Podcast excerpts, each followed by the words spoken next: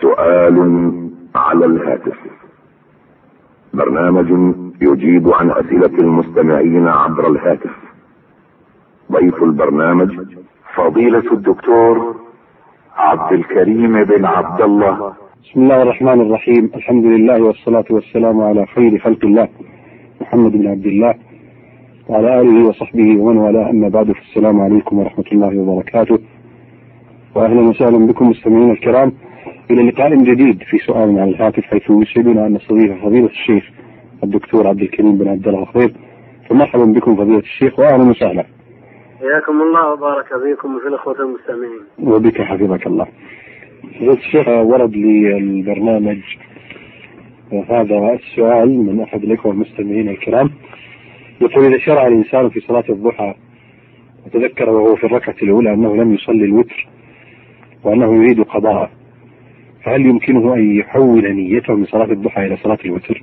ويكمل الصلاة ويأتي بعد ذلك بصلاة الوتر. الحمد لله رب العالمين وصلى الله وسلم وبارك على عبده ورسوله نبينا محمد وعلى آله وصحبه أجمعين. صلاة النافلة المعينة لا تنتقل إلى غيرها. لا تنتقل إلى غيرها فيكمل هذا هاتين الركعتين ثم بعد ذلك يقضي الوتر. ثم إن شاء أن يزيد صلاة الضحى ما شاء الأمر إليه. نعم. صلاة الضحى أقلها ركعتان. نعم. يقول أيضا من فاتته صلاة الوتر بالليل وأراد أن يقضيها بعد ارتفاع الشمس فهل تكفي عنها صلاة الضحى؟ لا تكفي عنها صلاة الضحى لأن صلاة الوتر مقضية. وصلاة صلاة الوتر مقضية وصلاة الضحى مؤدات. ويشترط أهل العلم في تداخل العبادات أن لا تكون إحداهما مقضية والأخرى مؤدات نعم.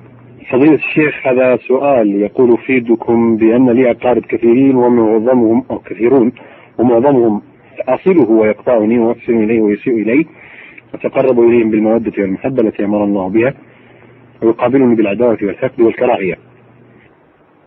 وكوني أخشى على نفسي وعليهم من القطيعة التي حرم حرمها الله عز وجل ورسوله صلى الله عليه وسلم وكون أعمال بني آدم ترفع إلى الله كل يوم كل يوم اثنين وخميس فيغفر لمن لا يشرك بالله شيئا إلا المتشاحنين. فيرد عملهم حتى يصطلح. فضيلة الشيخ آمل من فضيلتكم نصحي أنا وأقاربي هؤلاء تجاه هذا الأمر العظيم. وتوضيح الأدلة من الكتاب والسنة لعل الله يتداركنا برحمة منه إنه على كل شيء قدير. رفع الله بعلمكم وسددكم.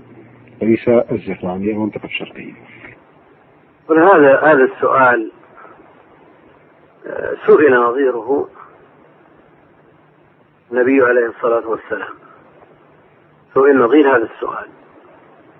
قال إن له أقارب يصلهم ويقطعونه. ويحسن إليهم ويسيئون إليه. فقال عليه الصلاة والسلام كان الأمر كما تقول فكأنما تسفهم المل. المل هو ما يكون بعد انطفاء النار من الرماد الحار أو التراب الحار الذي حولها. المقصود أن أنه يؤدي ما عليه بالصلة التي أمر الله بها. وإن قطعت أرحامه لا يعاملهم بمثل ما يعاملونه.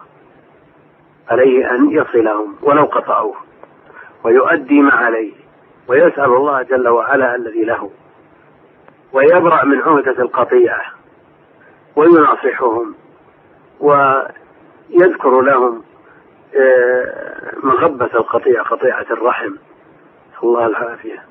والواصل جاء فيه النصوص الكثيرة كما أن القاطع جاء في ترهيبه نصوص أخرى النبي عليه الصلاة والسلام يقول من سره أن يبسط له في رزقه وأن ينسأ له في أثره في أجله فليصل رحمه. على هذا الصلة تزيد في العمر وتزيد في الرزق بخلاف القطيعة. فهي بضدها هي بضدها. فلا شك أن على حساب بركة العمر تزول بركته بالقطيعة وتزول أيضا بركة الرزق بهذه القطيعة. فلا يستفيد من نفسه وعمره ما يمكنه إلى رضا الله جل وعلا. وكما أنه لا يستفيد من ماله الفائدة التي يستفيدها لو وصل رحمه. على كل حال القطيع شأنه عظيم وجاء الحث عليها في الكتاب والسنة. فالحذار الحذار منها نسأل الله السلامة والعافية. وعليه أن يصل رحمه وأقاربه وأن ينصحهم وأن يسدي إليهم النصيحة والهدية التي تسل السخيمة وتؤلف بين القلوب وتورث المحبة. وشيء من هذا الذي الذي يقرب قلوبهم إليه وتزول بذلك الشحنة بينهم. أسعدكم الله فضيلة الشيخ ناخذ الاتصال. نعم. السلام عليكم. السلام ورحمة الله. تفضل يا أخي الشيخ معك. السلام عليكم شيخ. وعليكم السلام ورحمة الله وبركاته. بالله يا شيخ إحنا آه، ثلاثة إخوة وأخو أخوي الكبير معه ثلاث أولاد. فكون يعني آه، آه، ثروة أرض وعقارات وبتاع. فهل يحق لأولاد أخي الكبير أنهم يقسموا معنا في الميراث؟ الآن الاشتراك بين الثلاثة الإخوة فقط. آه. ووضع أولاد الأخ هل لهم عمل في التجارة؟ لا هم يعني اشتغلوا معنا في الأرض في الزراعة في التجارة في البتاع كده على كل حال الأصل في الاشتراك بين الإخوة. آه. لما أرادوا لما لما أرادوا العمل في هذه الزراعة وفي هذه الأراضي قالوا إنهم شركاء أو أجراء يعني لهم أجرة؟ لا. يعني ما نص على شيء. لا. يعملون تبعا لأبيهم. تبعا لأبيهم. هم ليسوا بشركاء لكن لو فرض لهم أجرة المثل كان هذا هو العدل. آه. يعني آه ليس لهم الحق. ليس لهم آه نصيب في الشركة.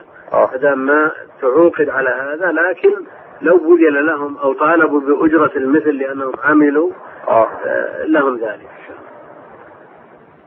ماشي يا شكرا بارك الله فيك. حياك الله يا أخي الكريم أهلا وسهلا ناخذ اتصال آخر. نعم. السلام عليكم. وعليكم السلام ورحمة الله. كيف الحال يا شيخ؟ الله يحييك. الشيخ معك الله يحفظك. كيف الحال يا شيخ؟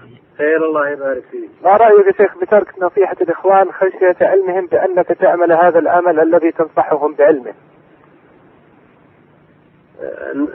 يخشى الإنسان أن ينصح غيره. لأنهم سيعلمون أنه يعمل مثلا هذا العمل من باب الإخلاص يعني. يعني هل هو يتص... هو ليتصور أنهم يتهمونه بهذا؟ لا مثلا يكون حافظ القرآن فيخشى إذا نصح إخوانهم أن يحفظوا القرآن أن يعلموا أنه حافظ. فمن باب الإخلاص يخشى أن يصح. هذا هذا من تلبيس الشيطان. هذا من تلبيس الشيطان وإلا فضل النصيحة هو الأصل. الدين النصيحة الدين النصيحة الدين النصيحة. ومع ذلك يجاهد نفسه أن لا يكون الدافع له على هذه النصيحة تعليم وتعريف الغير أنه حافظ للقرآن. عليه أن يجاهد نفسه وعليه أن يبذل النصيحة. الله يجزاك شكرا يا شيخ. بارك الله فيك. حياك الله أخي الكريم. أهلا وسهلا. ناخذ اتصال أخر. اذا ما زلنا معكم في سؤال على الهاتف المستمعين الكرام هذا الاتصال نعم. السلام عليكم. عليكم السلام ورحمة الله. أهلا وسهلا. أنا عندي سؤال تفضل الشيخ معك. خير. إذا مني لبست الشرابات. وغسلت يعني توضيت ولبست الشراب. طيب. ولبست شراب فوقه. بنفس الوضوء الأول. ها؟ بنفس الوضوء الأول يعني ما نفض الوضوء الأول نعم. ما في شيء. حكمه حكمه حكم الشراب الواحد. بس لو فسخت اللي فوق. لو فسخت اللي فوق إيه؟ أهل العلم يقولون لبس خفا على خف الحكم للفوقاني. يعني مجرد ما تنزع الفوق اللي فوق بعد المسح عليه إيه؟ نعم تنتهي الطهارة. بعد المسح عليه. ما تمسح على الأسفل. يعني لو بس الخف الفوقي يعني الفوقي يتعلق به الحكم فإذا نزعته ما تمسح على الثاني الأول. الله يجزاك خير. بارك الله فيك. الله يسلمك. حياك الله يا أخي الكريم أهلا وسهلا. نأخذ اتصال آخر. نعم. ألو السلام عليكم. عليكم السلام ورحمة الله. كيف الحال؟ أهلا وسهلا. ممكن أكلم الشيخ؟ تفضل. تفضل يا أخي. ألو السلام عليكم. وعليكم السلام كيف حالك يا شيخ؟ الصلوات المنهية متى أوقاتها؟ أوقات النهي خمسة. من طلوع الفجر إلى طلوع الشمس. ومن طلوع الشمس إلى أن ترتفع قيد رمح. من حدود ربع ساعة 12 دقيقة. بعد طلوع الشمس. وحين يقوم قائم الظهيرة إلى أن تزول الشمس إذا كانت الشمس في وسط السماء إلى أن تزول ويدخل وقت الظهر. هذه ثلاثة. والرابع من صلاة العصر إلى أن تتضيف الشمس للغروب تتهيأ للغروب. والخامس من من هذا الوقت إلى أن تغرب الشمس. فمنها وقتان موسعان. من طلوع الفجر إلى طلوع الشمس هذا وقت موسع. لكن من طلوعها حتى ترتفع هذا وقت مضيق. ومن وقوفها حين يقوم قائم الظهيرة إلى أن تنزل الشمس هذا وقت ثاني مضيق. والوقت الثالث المضيق من تضيع الشمس للغروب من حين تميل للغروب إلى أن تغرب. وأما ما قبله من صلاة العصر إلى هذا الوقت فهو وقت موسع. والنهي في الأوقات الثلاثة المضيقة أشد. أشد. فلا يفعل فيها شيء من التطوعات ولا ذوات الأسباب. يعني إذا دخل الإنسان في هذه الأوقات الثلاثة المسجد لا يصلي ركعتين. لكن لو دخل في الوقتين الموسعين لا مانع من ذلك إن شاء الله تعالى. جزاك الله خير حياك الله. أهلا وسهلا. الكريم ناخذ اتصال آخر. ولا زلنا معكم مسلمين. عن الهاتف السلام عليكم. السلام ورحمة الله. تكلمت الشيخ معك تفضل. حياك الله. يا شيخنا تفضل يا أخي. الله يرحمك جميع أبوك بالله. بك الله ويجعلك هذه آه، شو الفرق بين القرآن الكريم آه، في جزاء بما كانوا يعملون وبما كانوا يفعلون؟ العمل هو الفعل. ما في فرق. ما في فرق. جزاك الله خير يا شيخ. بارك الله فيك آه يقول سؤال فضيلة الشيخ الذي أرجو عرضه على فضيلة الشيخ آه آه أنني أعمل محاسب في مؤسسة مقاولات تعمل في بناء ولكن هذه المؤسسة تسحب أو تأخذ قروض وتسهيلات من البنك والبنك يأخذ فائدة ربا شهري قدره تسعة آلاف وعشرة آلاف. وأنا أقوم بتسجيل هذه الفائدة في دفاتر المؤسسة والسؤال ما حكم عملي في هذه المؤسسة؟ أنت أنت معاون لهذه المؤسسة على الاستمرار في عملها. التعاون في مثل هذا حرام لأنه تعاون على الإثم والعدوان وأنت مقر لهم في صنيعهم هذا. عليك أن تنصحهم. فإن امتثلوا وإلا تتركهم. تطلب شركة لا تتعامل بمعاملات محرمة. نعم ثابكم الله. آه الأخ علي آه ألف ميم ألف من المملكة يقول آه من إنني أحيانا يأتيني الشيطان وأنا في الصلاة. فهل يجوز الاستعاذة أثناء الصلاة وأنا أستمع للإمام أو أثناء القراءة قراءتي بالسور؟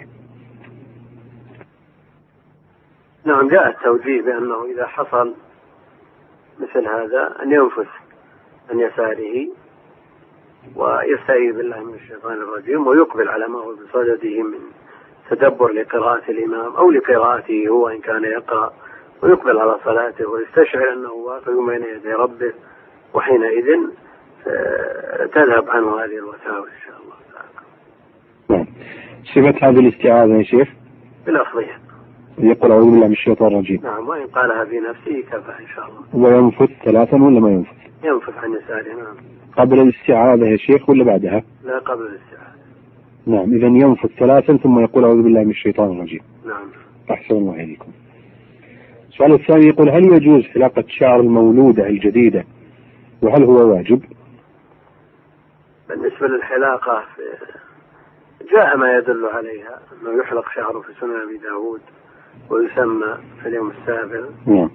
والمعروف من النصوص أن الجارية والمرأة عموما لا حلق عليها. نعم. لو اقتصر على الحلق بالنسبة للذكر وأما بالنسبة للأنثى لا حلق على المرأة في الجملة. نعم. نعم. يحمل الحديث يحلق شعره يعني الولد.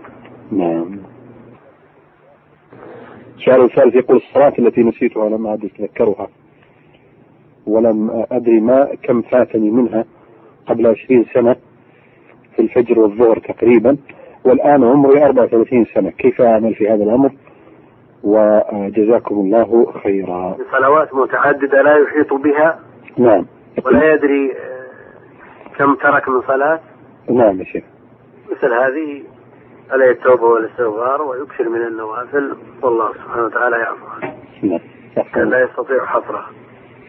إن كان لا يستطيع أن يحصيها. نعم. فإن أحصاها يا شيخ ولو كانت كثيرة.